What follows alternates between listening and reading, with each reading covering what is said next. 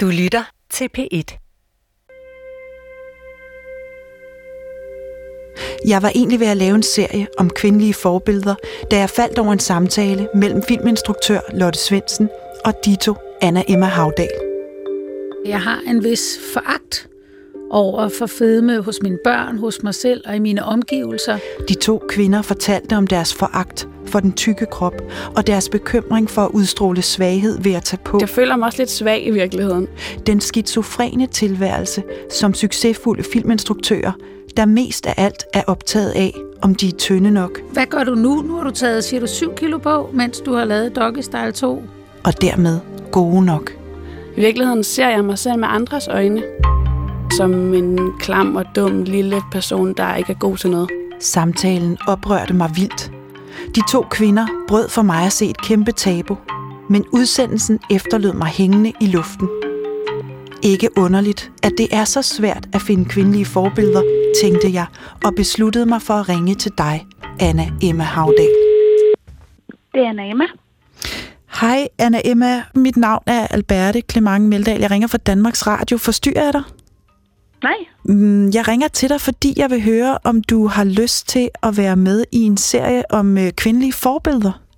Eller det vil sige faktisk om øh, angsten for at blive tyk. Hvad? Den tror jeg lige, jeg skal have igen.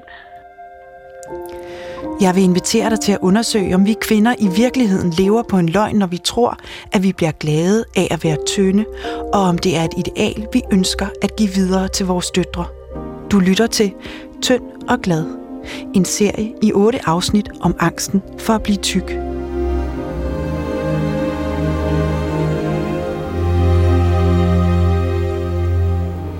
Velkommen, Anna Emma Havdal. Tak. Det er fjerde gang, du sidder her sammen med mig, og det er jeg rigtig glad for.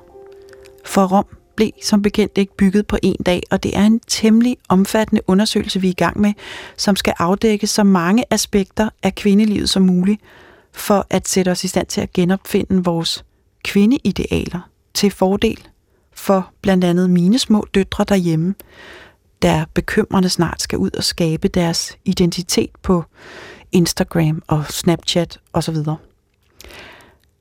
Derfor har jeg været ude at tale med journalist og forfatter Pia Friis Lanet. Hun har skrevet denne her, Lillis Danmarks historie. Og øh, i den fortæller hun historien om den almindelige kvindes liv gennem mange generationer i Danmark. Et liv, som historisk set kun har haft værdi i kraft af kvindens yder. Jeg startede med at spørge hende, hvorfor så nogle kvinder som os med stemmeret og jobs og dermed også egen indkomst, kærester eller ægtefæller i nogle tilfælde, måske børn, er så optaget af, hvordan vi ser ud. Og Pia Friis Lanet er så godt inde i sit stof, at jeg faktisk ikke behøvede at stille flere spørgsmål i det interview. Jeg tror ikke, der findes kvinder på noget tidspunkt i historien, som ikke har overvejet, hvordan de ser ud. Med mindre, at de har været udsat for krig, forfølgelse, altså være, været nede på eksistensminimum, hvor man simpelthen ikke har tid til at tænke over det. Mennesket er, så snart de øhm, altså basale livsnødvendigheder opfyldt, så er det et æstetisk væsen. Og øhm, især ikke kun for kvinder, øh, men det udfordrer sig forskelligt for mænd og kvinder. Altså, da jeg var øh, barn, så øh, min første kæmpestor læseoplevelse, det var øh, De Tre Musketerer. Og øh, det er jo en fortælling om meget forfængelige mænd, og at man kunne aflæse af den måde, det klædte sig på, hvad for en rang de tilhørte. Øh, og det forsvandt med øh, den moderne tid, der kommer med borgerliggørelsen, øh, hvor mænd begynder at tjene penge, og det er det, deres værdi og deres forhold til Gud og Guds kærlighed til dem måles på. Der går det simpelthen i sort, og der forsvinder blonderne og øh, de smukke bølgede hår. Og derfra så bliver det øh, kvinder, der opfører sig som menneskehedens påfugle, og det holder mænd helt op med fordi kvinder ikke har haft samme adgang til formuer og til erhverv, øh, men har deres vigtigste overlevelsesmulighed, øh, det har været at blive gift. Og der har udseendet været en meget vigtig kapital. Og det har så, kan man se, hvordan øh, kvindeidealet, forestillingerne om, hvad der er kvindelig skønhed, har forandret sig så meget over tid, så man næsten ikke kan forestille sig, at det er samme art. Altså jeg har kendt min, en af mine oldemødre, som hun blev født i 1879, hvor moden, kvindemoden var, at en ung kvindes talje skulle være sådan så en altså velvoksen mand, mands hånd, som to hænder, kunne nå om hendes talje. Og det var altså sundhedsskadeligt, det vidste lægerne, og der er øh, ubehagelige sådan fortællinger om deformerede indre organer, som simpelthen blev en lever, der blev trykket, og plus at det var vanskeligt at trække vejret, og, øh, og det er jo derfor, man hører om dengang, at kvinder de, de dånede. Det gjorde de jo, fordi de ikke kunne trække vejret ordentligt. Og den, det ideal, altså det var gennem 400 år i overklassen, at korsettet, at det var, altså alt mode blev ligesom formet over korsettet. Øh, Karen Bliksen skriver det så sjovt et sted, at øh, indtil altså, til hun var ung, så var det umuligt at få, altså det var umuligt, at en kjole kunne sidde ordentligt uden et korset. Og så pludselig gik det over. Så kunne kjoler godt sidde ordentligt uden et korset. Det var fordi korsettet blev umoderne i takt med, at kvinder fik brug for bevægelsesfrihed. Og det gjorde de der lige omkring 1900-tallet, hvor de havde lyst til at uh, cykle og spille tennis skrækkelige historier med korsetter, altså de der stålstiver, der sådan rammer forkert ind, når man er i en tenniskamp. Det går blive blukket af affære. Og så pludselig i 1913, så kommer der en ny kollektion fra Paris uden korset. Mm. Og det, øh, og det var en, et dramatisk skift i kvindemoden. Og det blev så øh, altså drevet frem også af Første Verdenskrig, hvor Europas unge mænd gik til i skyttegraven, og det samme gjorde jo så også amerikanske mænd. Det vil sige, at kvinder kom ud og erstattede mænd på arbejdsmarkedet i alle mulige jobs. Og, og de havde ikke lyst til at komme tilbage. De havde lyst til at øh, tjene deres egen penge, få uddannelse, og øh, hele den frigørelse, som øh, vi, vi kender i dag, den starter for alvor der. Og det ændrer også kvindeidealet meget, meget synligt i 20'erne. Charleston-kjolerne, de der lige op og ned kjoler, som stopper under knæet.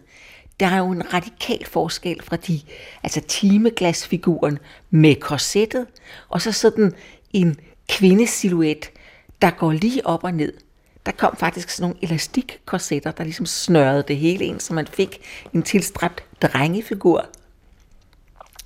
Den slange, slanke skikkelse var i centrum. Mm.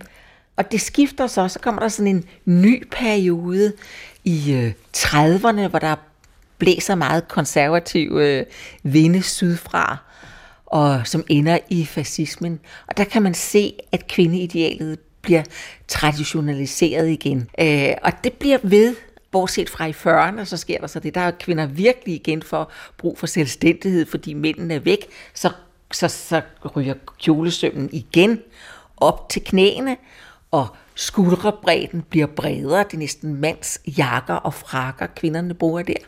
Og da så drengene rykker hjem fra krigen, så er der rigtig stort brug for øh, at etablere maskulinitet og feminitet. Mændene skal tilbage til deres arbejde, og kvinderne skal hjem, og i USA er der noget nær, der ligner, eller det er simpelthen en kampagne for at, øh, at få kvinder til at forstå, at husmorfaget, det er det, som de er skabt til. Blandt andet ved hjælp af, af Freuds psykologi. Og der kan man se, at der kommer så det altså næsten korsetterede timeglas ideal vender tilbage. Øh, og vi har jo de ypperste repræsentanter for det. Øh, øh, Sofia Loren fra Italien, øh, Marilyn Monroe, som, altså, som jo bliver sådan hele verdens øh, sexideal, og øh, Elizabeth Taylor, som alle sammen har den der meget kurvede kvindelighed. Mm. Men der er en sideløbende strøm hele tiden, øh, som man også ser i 50'erne, hvor teenageren begynder at komme ind som sådan et helt nyt begreb. En ny generation, som tjener penge og som bliver meget definerende for moden. Audrey Hepburns, som er jo næsten sådan, altså en slank teenager, korthåret, store øjne i, i ballerinasko, nogle gange strutskørter, men også de her sådan meget slanke bukser. Og det er en side, altså den, de der to parallelle strømninger med den meget kurvede, sexede kvindelighed, og så drengepigen. Det er to figurer, der kommer til at gå igennem 50'erne og også i 60'erne. Mm. Og så er det næsten som om, at historien gentager sig i 60'erne. Mm. Gentager sig fra 20'erne, hvor der var den der store bevægelse, lange skridt på kvindernes rettigheder i form af stemmeret og ret til uddannelse og lige ret inden for ægteskabet. Der kommer så en ny bølge i, øh, i 60'erne, øh, hvor øh, der er, det, har meget, det, det hænger meget sammen med, med ungdomsoprøret, mm. som jo ikke kan forstås, uden at man ser det, den eksplosive velstandsstigning, der sker i 60'erne. Altså fra 58, 1958 og så frem til 1973, da oliekrisen kommer, der er der uafbrudt økonomisk vækst på en måde, som vi ikke har set før eller siden. Og det betyder, at unge mennesker pludselig kan få arbejde i Europa, især her i Danmark, hvor der kommer SU, så betyder det en uddannelseseksplosion. Også for kvinder. Og øh, der holder det op med at være øh, kvinders fremtidsperspektiv at blive husmor. Min mor havde den der idé om, det galt om at finde sig en god forsørger. Mm.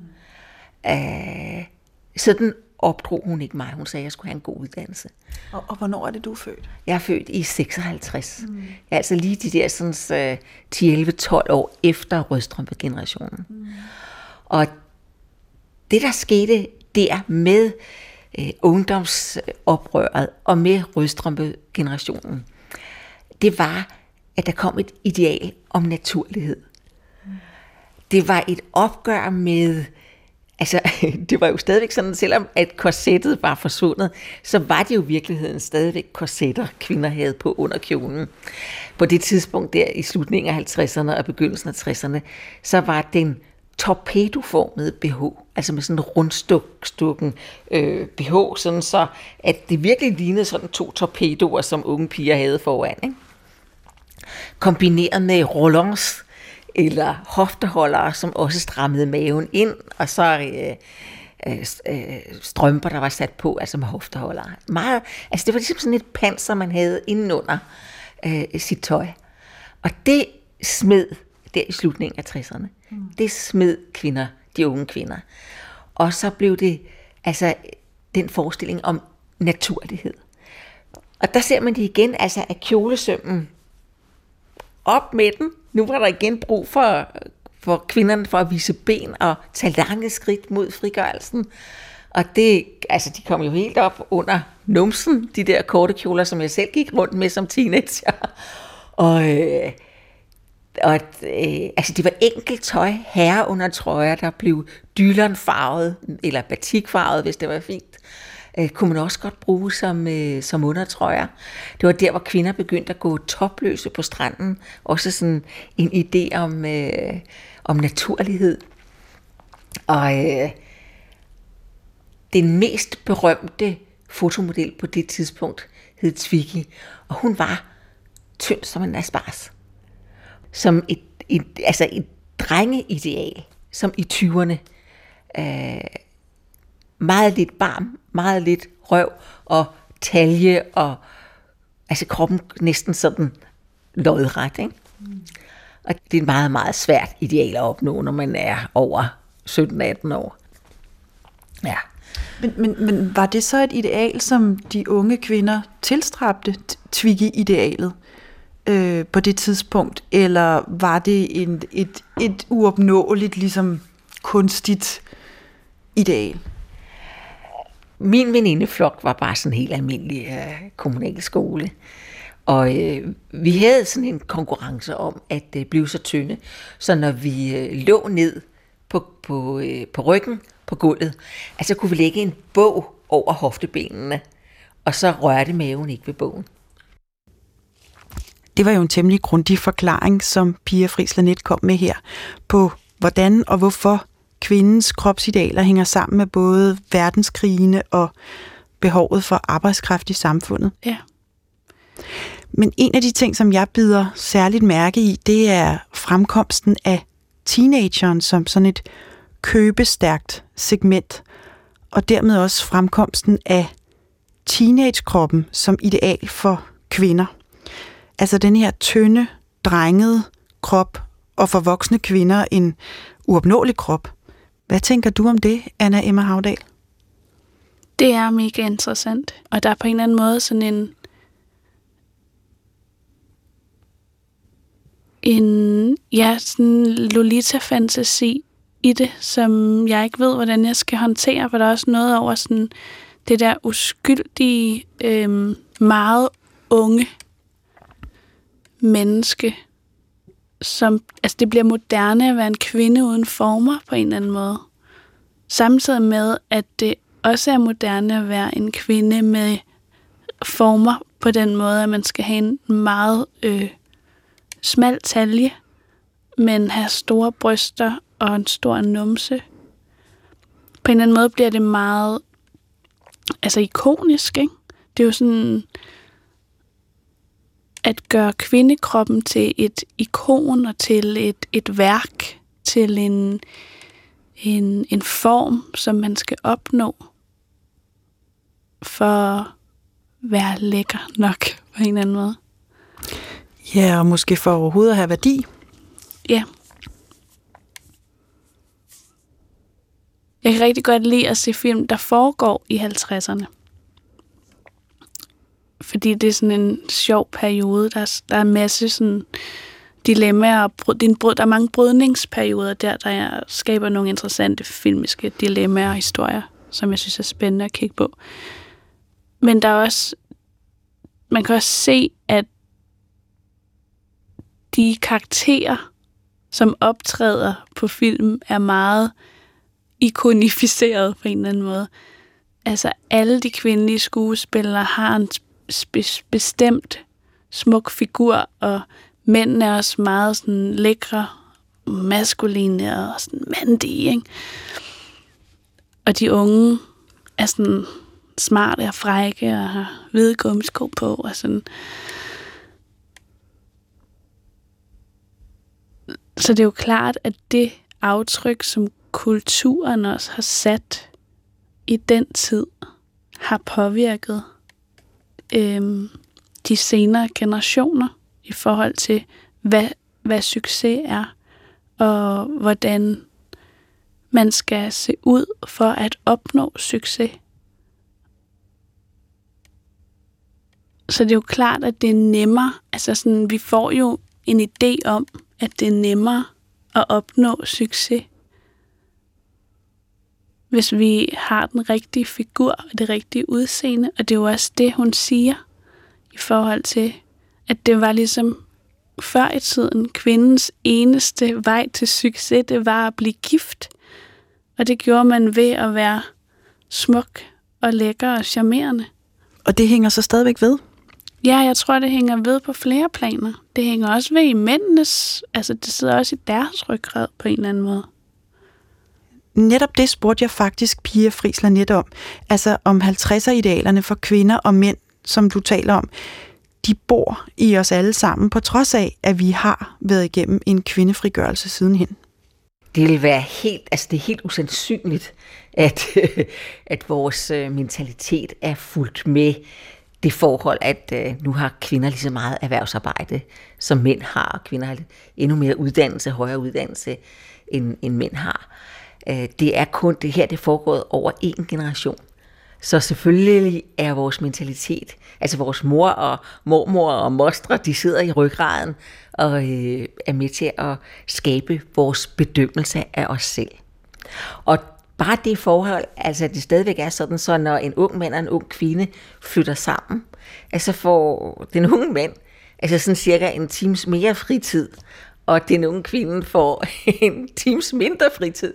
Fordi at, altså et eller andet, altså husarbejdet, det går ligesom naturligt ind under hende, og så, øh, jamen, så får øh, manden mere sådan øh, tid til øh, vennerne, og hvad han nu ellers øh, skal foretage sig. Ikke? Så der er sket meget, men det er bare ikke det samme som, at, øh, at øh, den der, det der ansvar i familien øh, er lige fordelt på mænd og kvinder. Men, men er du alligevel fortrøstningsfuld øh, på den unge generation af kvinders vegne? Altså, er du optimistisk og tænker, at det skal nok gå fremad? Altså, altså fordi tallene ja. viser jo noget andet. Hvad viser det? Hvad Jamen, altså, de unge kvinder får det dårligere og dårligere. Ja, noget af det, som jeg i hvert fald synes er rigtig synd for den unge generation af kvinder, det er, at de er så forbandet ensomme. Det, som man kan lave meget grin med røstrømmebevægelsen og kvindebevægelsens basisgrupper, og man sad der og gjorde, fortalte sine personlige bekymringer og gjorde det personlige politisk. Men der var en forståelse af, at det her, det kan vi kun ændre i fællesskab. Og den erkendelse savner jeg i dag. Fordi at den der individualisering øh, og konkurrence gør det så altså forbandet ensomt med de problemer. Og hvad man skal gøre ved det, det ved jeg simpelthen ikke. Fordi sådan nogle oprør, de kommer altid fra folk selv. Og jeg har bare sådan et håb om, at øh, det faktisk har jeg også en tro på, at øh, der, må, der, kom, der kommer et oprør. Selvfølgelig gør der det. Hvor, øh, hvor de helbredsnedbrydende eller psykisk nedbrydende krav til at skulle kunne bemestre livet og være perfekt, at de bliver vendt om en gang til. Altså, Anna Emma Havdal, har, har du en oplevelse af, at de unge er ensomme med deres problemer, som Pia Frislanet siger? At de ikke deler dem med hinanden, altså for eksempel deres bekymringer om vægt eller øh, præstationer? Jeg tror, de deler rigtig meget. Altså, øhm, og især via sociale medier. Men måske ligger problemet også der, fordi så tror man jo som menneske, at man deler ud af nogle ting, men det er igennem et system, hvor man ikke kan, kan se, man får ikke øh, direkte respons. Alt er ligesom i ord og billeder. Og når vi ikke længere er nærværende over for hinanden og sidder og mærker, hvad det, vi siger til hinanden, gør ved hinanden, så tror jeg ikke, det har den samme kraft og effekt.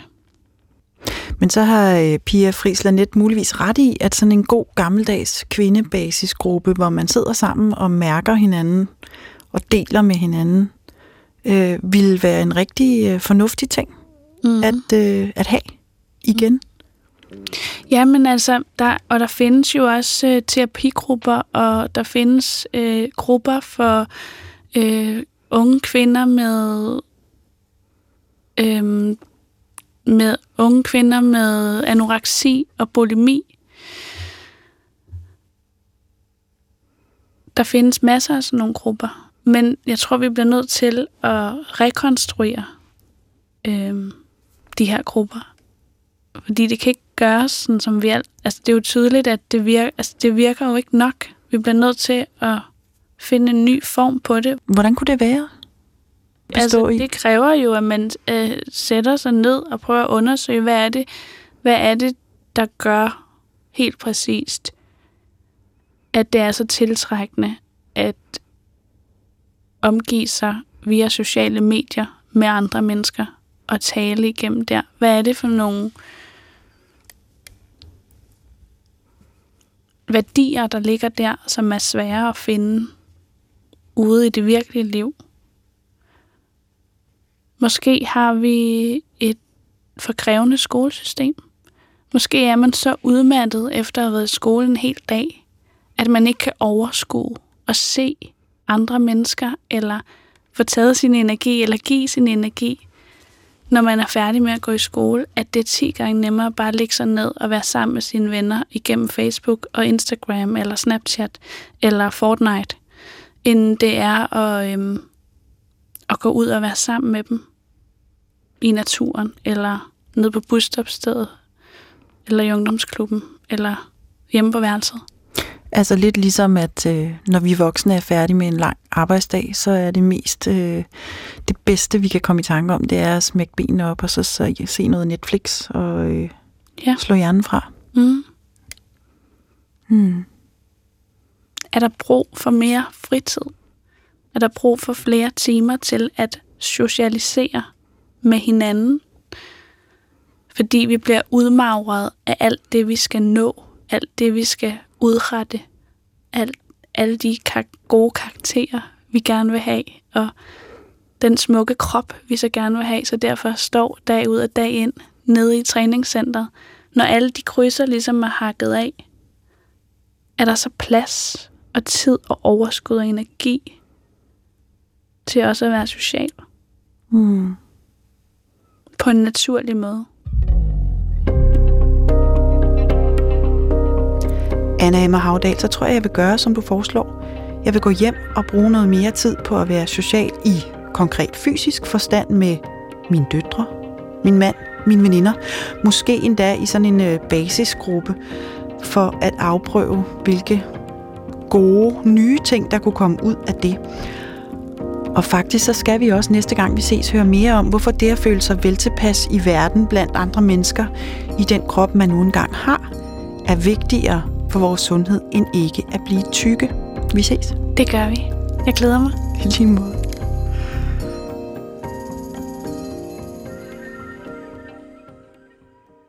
Du kan høre flere P1-podcasts i DR's radio-app. Det giver mening.